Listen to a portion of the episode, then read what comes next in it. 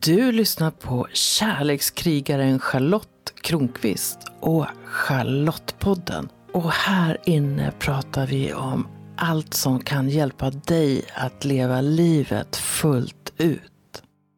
I det här avsnittet av Charlottepodden så ska du få möta en kär vän till mig.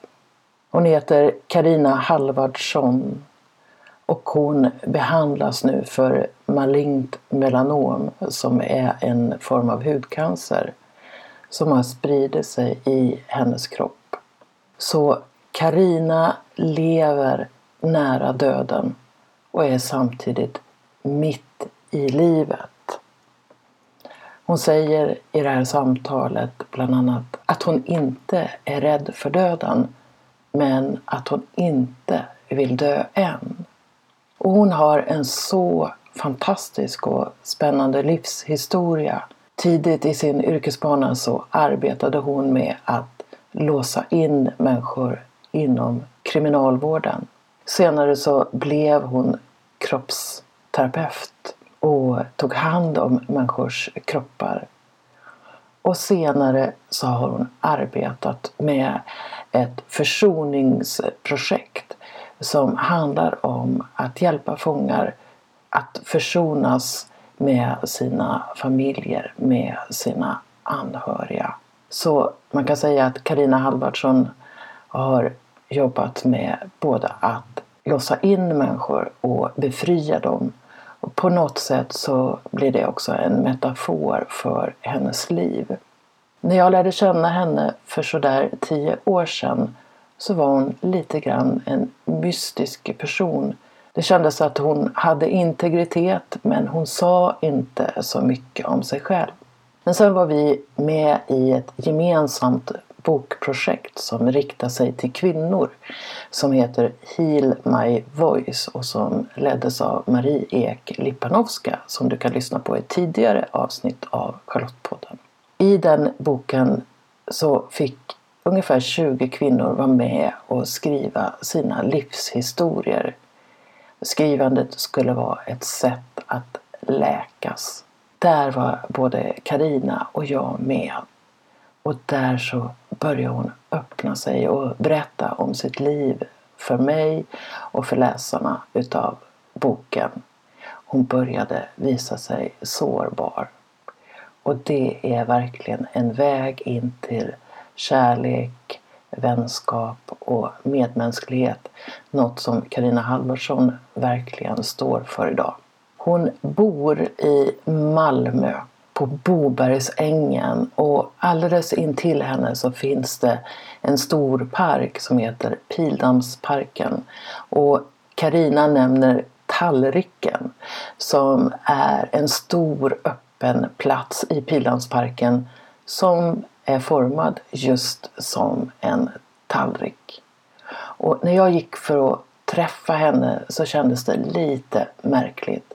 För för ungefär 20 år sedan så bodde jag i grannhuset. Ja, det är länge sedan. Men möt nu Karina Halvardsson mitt i livet och samtidigt nära döden. Jag befinner mig i Malmö på Bobergsängen och framför mig sitter Karina Halvardsson som är kroppsterapeut. Och det är lite speciellt för mig att sitta här. För, för 20 år sedan så bodde jag i nästa hus. Men nu är jag här med dig, eh, Karina. Hur mår du just nu? Ja, hur mår jag just nu? Ehm, jag är väldigt glad att se dig, men ehm, rent fysiskt så mår jag inte så bra. Jag fick eh, diagnos malignt melanom eh, förra året i november. Och det har jag haft tidigare. Men den här gången så har det spridit sig flera gånger till lymfkörtlar som har fått opereras bort. Och Eh, så att jag har varit i den här processen sedan november 2019. Så kom ju corona också i mars och gjorde att jag blev väldigt isolerad då. Och jag får ju hålla mig på min kant så jag inte får någon infektion så jag kan få de här behandlingarna och opereras. För det är ju egentligen det enda som hjälper mot utvecklad cancer, det är operation, eller kirurgi som de säger. Så det är en tuff match jag går just nu, men um, en dag i taget så får vi se. så man kan säga att du lever, du är i livet men lever också nära döden? Ja, eh, den finns ju där. Och den finns ju egentligen hos oss alla. Men vi lever ju som om den inte existerade. Och det, det ja, det har jag ju funderat på mycket under den här tiden. När jag har varit väldigt mycket själv så har jag reflekterat över livet och döden på många sätt. Berätta. Ja, att eh, det är ju, för mig har det i alla fall varit så att när jag möter upp döden, tittar döden i vitögat så känner jag mig faktiskt väldigt levande i kontrast till det. Sen är det klart att vara i, i den här situationen, då kan jag inte gå och tänka på döden varje dag. Ehm, utan jag måste ju liksom ha kraft att eh, ta mig igenom helt vardagliga saker. Energin den pendlar och jag försöker ta tillvara på de dagarna när jag har energi. Så jag är väldigt närvarande med min kropp, på gott och ont skulle jag också vilja säga. Allting har två sidor. Och det lever jag ju liksom i den här dualiteten hela tiden. Livet och döden och smärta och smärtfrihet och glädje och sorg. Um, så ja, när folk frågar hur är det? Ja, det är som en berg och dalbana säger jag, för att det är verkligen upp och ner. Och nu tänker jag att om jag är där jag är, inte försöker ta mig från, bort från sorgen till glädjen, utan vågar stanna kvar i sorgen, så kan jag också stanna kvar i glädjen när den kommer. Och det har inte varit så självklart alltid i mitt liv. Utan eh, jag har ju fått mycket mer bekräftelse när jag är glad än när jag är ledsen. Jag har, upplever att folk har tagit emot mig lättare när jag är glad. Och eftersom jag då har en önskan om att bli mottagen så har jag visat glädje när jag kanske egentligen har behövt gråta en skvätt. Och nu är du mer medveten om vem du är och vad du gör och hur du känner? Ja, jag tvingas liksom in i det på något sätt. Eller tvingas och tvingas. Jag, jag tar emot mig själv i de här olika faserna som är. Jag vet ju att du har ett förflutet bland annat inom kriminalvården.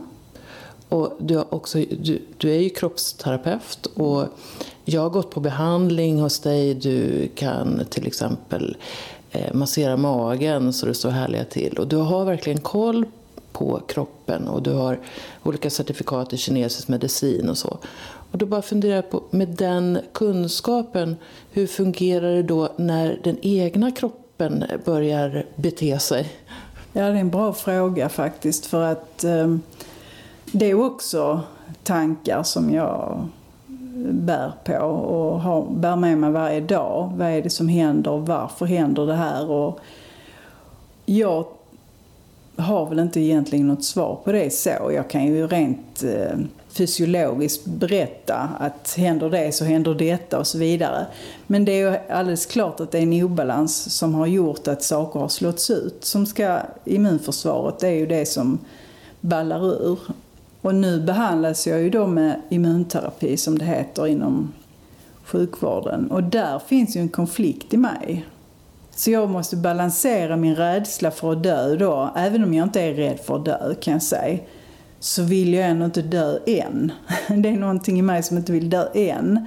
Och därför så, så är ju det här att bara eh, risken att jag kan dö gör ju att det finns en liten rädsla i det. Och då tar jag liksom emot den hjälpen som finns att få. Men jag tänker att jag måste också balansera det jag vet om min kropp och det som jag har lärt mig att man kan liksom stärka sitt immunförsvar på ett naturligt sätt. Det är bara det att det finns inte riktigt tid för det nu eftersom det har spridit sig så mycket. Och då har jag bestämt mig för att ta emot den här hjälpen. Men å andra sidan så är det då en massa biverkningar med det. Så att, ja. Det är ju, hela livet är ju egentligen ett lotteri. Jag har ju egentligen, när jag tittar tillbaka, varit en person som gärna vill veta. Jag vill ha koll och jag vill veta. Men jag har aldrig, alltså det, det går inte att ha koll. Vi tror, eller jag har trott, varit i en illusion om att jag har koll fast det har jag inte haft alls. Det har bara, det har bara varit ja, flyt kanske eller någonting. Jag har varit på rätt plats vid rätt tidpunkt ehm, så har det funkat men att jag skulle kunna styra, det är en illusion. Nu pratar ju du öppet mm. om hur det känns att vara du. Och för mig så är det ett uttryck för att vara sårbar. Mm. Hur är det för dig att visa dig? Ja, det är jätteläskigt. På något sätt när jag är, har varit sårbar i livet så jag vill liksom skjuta ut mig på något sätt. Jag har använt det uttrycket att jag skjuter ut mig ur sammanhanget. Så kan jag gömma mig någonstans och ser ingen hur, hur jobbigt jag har det eller hur svårt, hur sårbar jag är. Och det är klart att jag är präglad av, mitt liv har präglat mig på, på så sätt. Men jag vill inte hålla på med det. Utan jag, jag vill ju möta upp.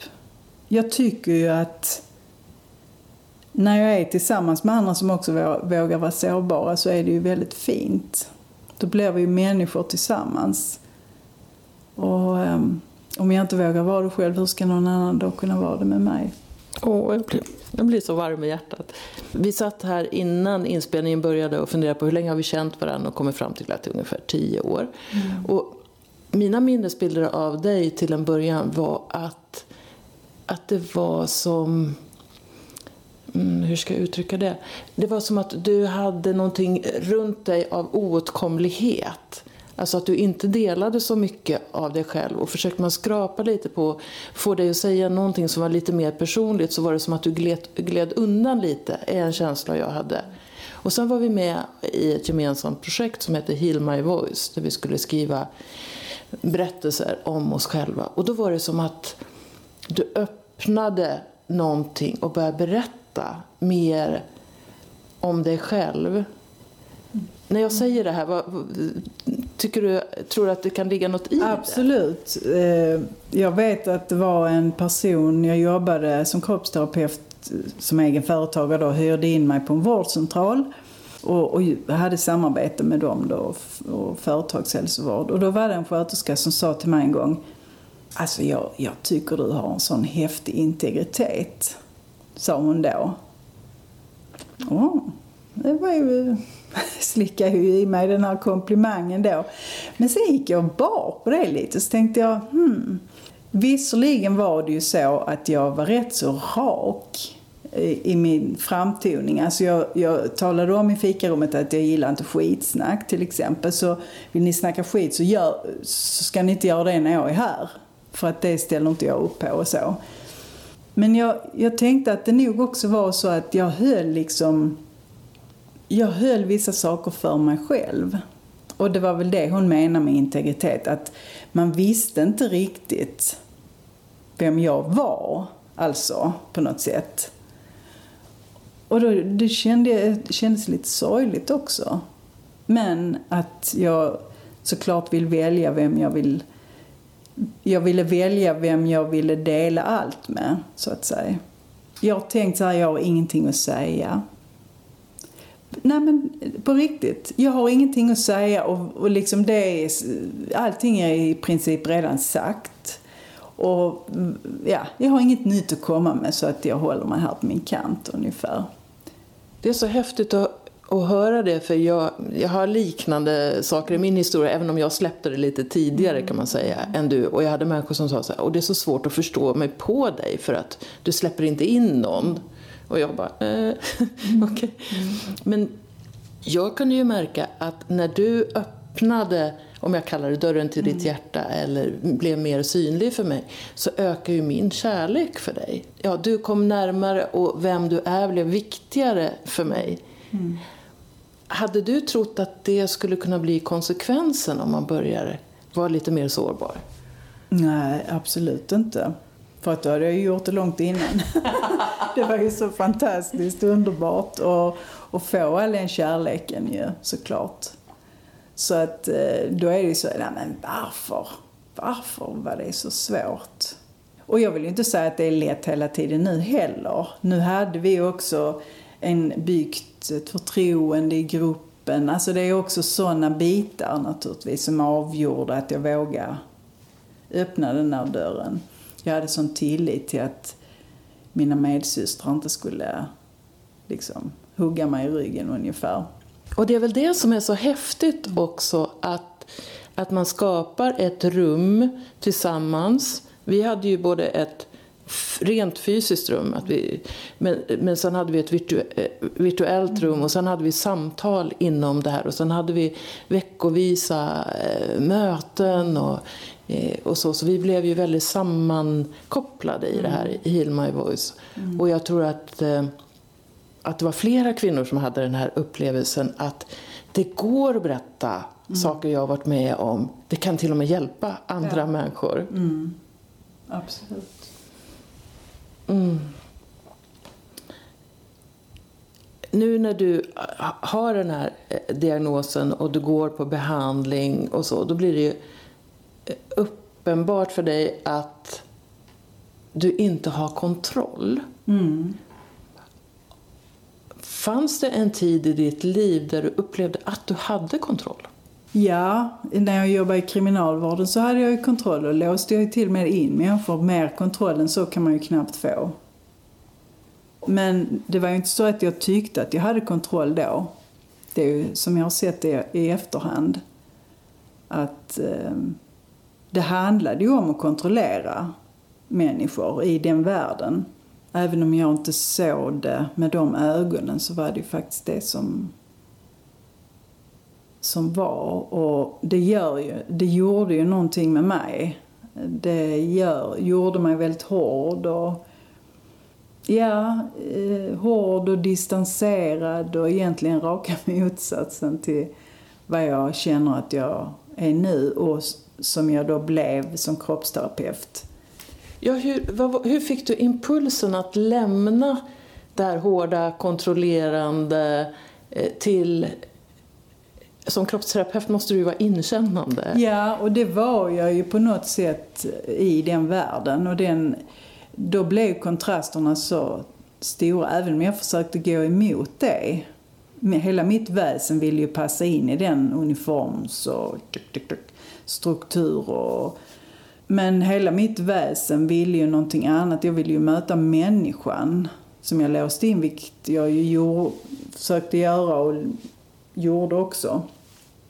Och jag hade idéer om och visioner om hur det skulle kunna vara. Men så hade jag en chef som jag tyckte var fullständigt inkompetent som chef. Och det var min räddning alltså räddning bort därifrån. För att jag stod inte ut med det till sist. Att jag kände mig som att jag, det är ju jag som är i ett fängelse här. Så jag måste lämna det här. Och att jag då hade någon sorts förmåga, eftersom jag föddes med och var nästan blind på ett öga, så har jag förstått att mitt sätt att orientera mig har varit att känna mig fram.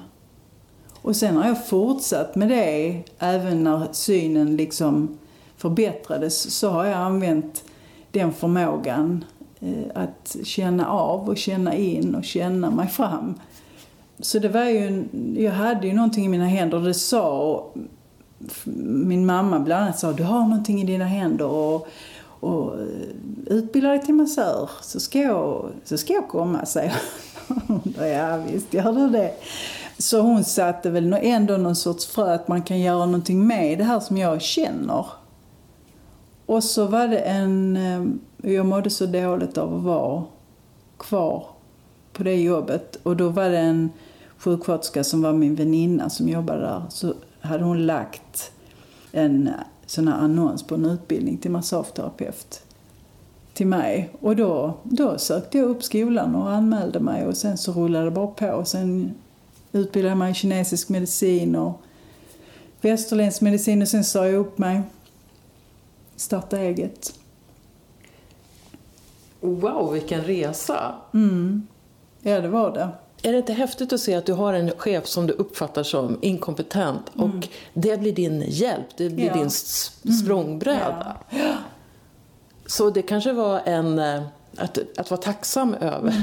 så att säga. Att ibland så är det eh, en lärare, eh, de som man tycker illa om eller Mm. Ja, man inte funkar det, med, för ja. Mm. de kan hjälpa en att se någonting nytt. Ja, alltså jag skojar många gånger och sa att om jag skrapar fram sån här trisslott och ska sitta i TV och eh, ja, vinna pengar då. Då ska jag passa på. Alltså jag såg det som ett, en möjlighet att få ut det här. Att jag skulle vilja tacka henne för att hon var så dålig. Så att jag kom därifrån. För annars hade jag förmodligen varit kvar fortfarande. Ja, du som lyssnar, fundera på hur du har det just nu. Du kanske har någon där omkring dig som kan lära dig någonting. Då- Under senare år så har du ju också jobbat med försoning och i princip så har du då haft att göra med de där som du låste in för 10-20 år sedan. Absolut. Vad är försoningsarbete för något? Det är eh, försoningsgruppen som jobbar med det här på anstalter. Det är, kommer ifrån ett program från Sydafrika, reparativ rättvisa. Det är ju motsatsen till retributiv, alltså straffande rättvisa. Och jag tänkte ju när jag satt i, på alla rättegångar när jag jobbade i kriminalvården så slog det mig att brottsoffret och även den tilltalades anhöriga, brottsoffrets anhöriga och sånt. De satt där och det var, det var så sterilt. Det var bara den juridiska rättvisan att du är skyldig och du ska dömas till si och så långt fängelsestraff. Men alla känslorna som alla de här människorna fick bara ta med sig ut ifrån rättegångssalen. Vad händer med det? Vem tar hand om det? Och upprättelsen som brottsoffret inte får av att en person låses in x antal år i fängelse. Fundera mycket på det och kände att det var, fattades någonting där. Så när jag fick höra talas om det här arbetet så tänkte jag wow, det, det vill jag vara en del av. Absolut. Och, och då jobbar man ju intensivt under en vecka och har olika teman varje dag eh, där man går igenom brottets spridningseffekt. Ofta så förstår man ju inte att den jag, det är inte bara en person jag har skadat utan det är ju sina egna anhöriga, offrets anhöriga och hela samhället skadas ju av att man begår en brottslig handling. Du jobbade ju också med sådana som har begått svåra brott, Ja, ja. alltså typ, typ mord och så. Ja ja, det var ju de, de senaste åren så jobbade vi ju på Kumla med långtidsdömda, livstidsdömda.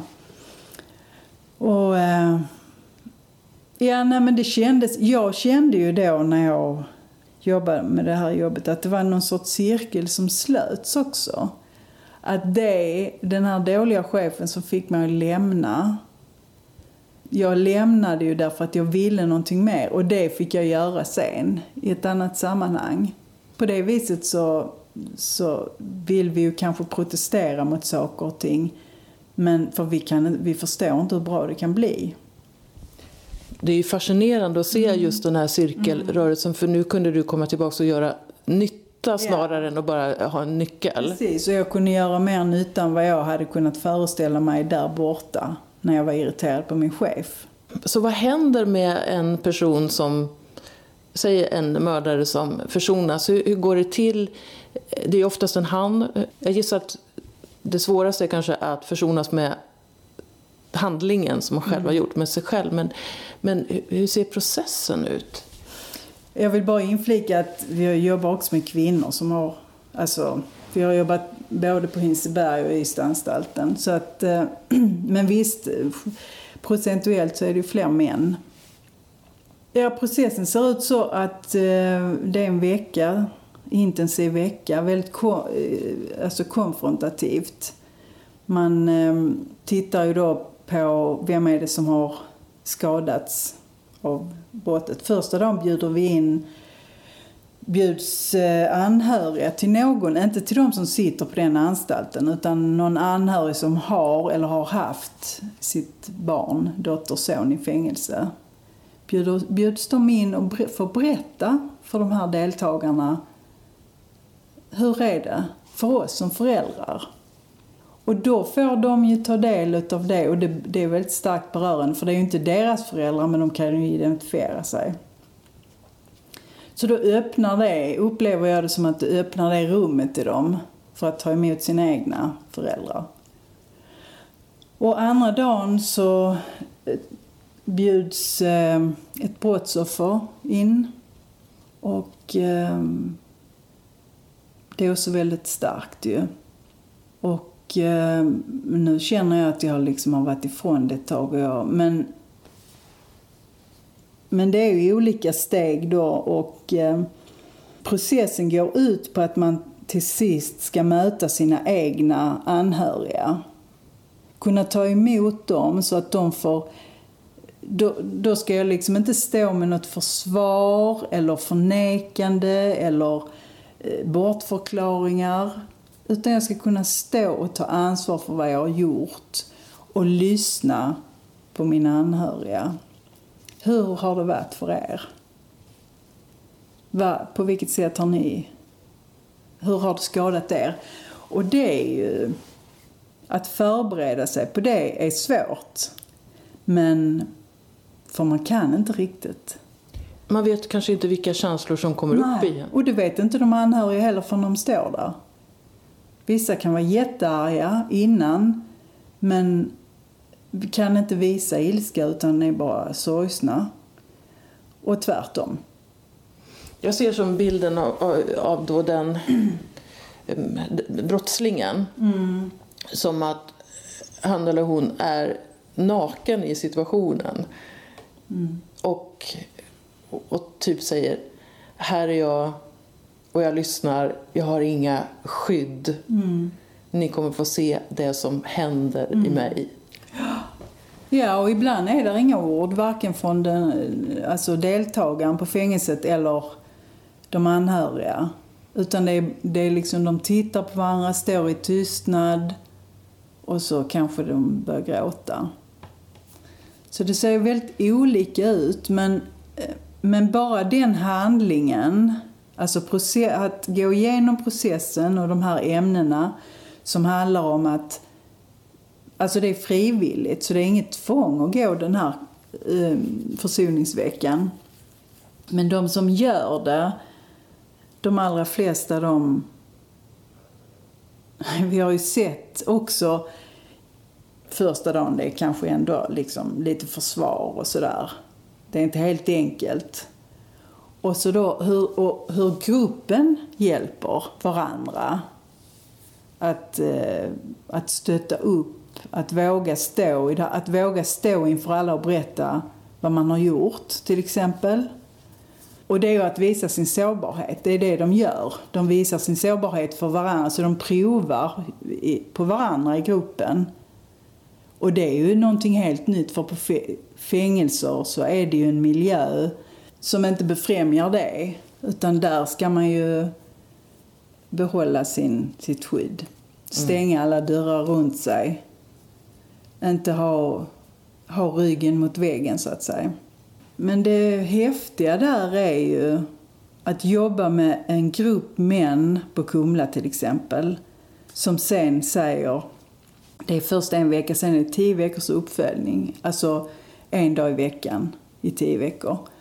Då säger de att det är fint att få känna det det de, det de skapar tillsammans, sårbarheten, vänskapen, respekten för varandra, att gör, de, de kan vara mjuka och de vill fortsätta vara det men de kan inte det. För då är, de ju, då är de ju som jag känner mig, att jag, när jag är sjuk och som mest sårbar, att jag är utsatt till vargarna. Mm. Då kan jag bli uppäten när som helst. Så du kan känna en likhet mellan dig när din kropp är sjuk och alltså, du får jobba med försoning då i förhållande till dig själv. Lite Ja. grann som de här mm, brottslingarna får jobba med försoning. Det finns likheter. Ja, ja, dels finns det ju likheter i att känna sig sårbar. Hur svårt det är. Eh, Hur rädslan för att jag inte ska klara det gör att jag gärna kliver tillbaks till det gamla eller kliver in i mitt skal. Och sen att eh, försonas med det som är, som jag inte kan göra någonting åt. Alltså att ha gjort ett svårt brott, om jag har tagit livet av någon så kan jag inte få den människan tillbaka. Det går ju inte. Men det finns ju annat jag kan göra och fokusera på det. Jag kan inte ta bort jag skulle vilja hokus pokus filiokus ta bort min sjukdom nu. Och det kan jag inte. Och då kan jag välja att fokusera på det och bara bli frustrerad. Eller så kan jag se, men vad kan jag göra då? Och så får jag göra det. Ta de här stegen. Och att det blir en sorts försoning. Men nu är det så här. Och det är någon så, för mig är det någon sorts vila i det. Att bara sjunka in i, ja, nu är det så här. Hur ont jag har, hur dåligt jag mår. De stunderna när jag kan sjunka in i förs- och försonas med att det är som det är, då, då är det ju uthärdligt. Det är när jag försöker att, när jag inte vill acceptera. Och det är ju, för mig handlar det om att försonas varje dag med saker. Och vissa dagar är det ju liksom svårt på många plan, både fysiskt och mentalt och känslomässigt. Och då behöver jag möta upp mig själv och, och säga, men okej. vad, vad behöver du nu då? Har du blivit bra på att lyssna in dig själv? Ja, eh, det har jag tvingats bli. Tvingats, ja. Ja, det har jag ju. För jag tror inte jag hade gjort själv om inte jag hade hamnat i den här situationen. Så på det viset så... Jag vill gärna försöka hitta positiva saker även i det som är svårt. Du nämnde i förbigående din metafor om det här med vargarna. Kan du inte berätta den? Att vara sårbar och utsatt. Jag tänker, alltså jag ser på mig själv som när jag har varit, känt mig väldigt sårbar och utsatt så är det nästan som att jag håller andan och spelar död då för att vargarna ska tänka, "Ah, bara gå förbi. Äh, Dött kött, det vill vi inte ha idag till middag. Alltså så. Så klarar jag mig undan då. Men jag menar, jag kan ju inte spela död innan jag är död. Jag, jag lever ju nu liksom. Och förstå skillnaden där att okej, jag lever nu, jag är sårbar, jag lever. Och vågar jag leva i den sårbarheten och inte tro att jag ska dö av den. För dö kommer jag göra i alla fall. Fast inte just nu. Och hur hanterar du vargarna då när du säger jag lever? Ja, det är ju lite intressant för att jag eh, var ute och promenerade. Jag är ute och promenerar i parken varje dag. Och eh, så går jag borta vid en sån här det är någon fornlämning, höll jag på att säga. Det är från den här baltiska utställningen 1912. Någon sån här sten... Eh, ja, ser lite gotiskt ut faktiskt. Då står där... Det, det är massor med folk ute på tallriken men just där inne är där, går jag och så är där då en...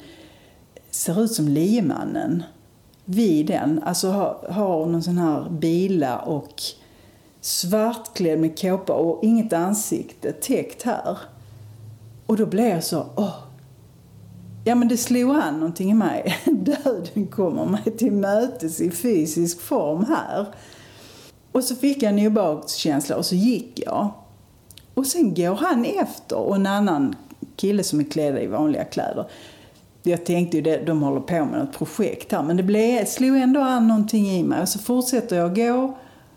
Och de går efter. Och då, då kom lite rädd. Jag tyckte det var obehagligt helt enkelt. Så då, nej minsann. Jag vände mig om och gick emot. Får jag ta en bild, säger jag då. Ja, visst, sa han. Och då försvann ju den här obehagskänslan. Så jag tänker att vargarna, när jag säger jag lever, då vänder jag mig mot, om vargen representerar rädslan, så vänder jag mig mot rädslan och säger kom an, jag ser dig, att du är där. En aspekt till som jag skulle vilja ta upp mm. det är du har ju ganska stor erfarenhet av sjukdom och, mm. och, och, så finns det ju många människor som bryr sig om dig på olika sätt. Men ibland möter du sådana som vill eh, trösta, trösta sig själva snarare än dig. Mm. Eh, att, att det känns lite som att, att det är de som har svårt med att hantera känslorna i sig själva när de mm. möter dig. Ja. Hur, hur är det för dig när någon säger det kommer nog gå bra det här Karina? Ja, alltså jag förstår ju att de menar väl. Jag förstår att det kommer från en kärleksfull plats. Men den kommer också från en omedveten plats.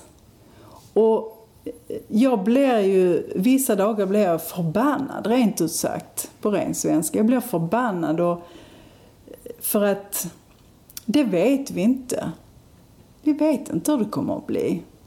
Så att vi behöver inte låtsas som någonting. Vi behöver inte låtsas att det blir dåligt. Vi behöver inte låtsas att det blir bra heller. Vi kan bara liksom... Vi kanske bara kan vara ärliga med vad vi känner.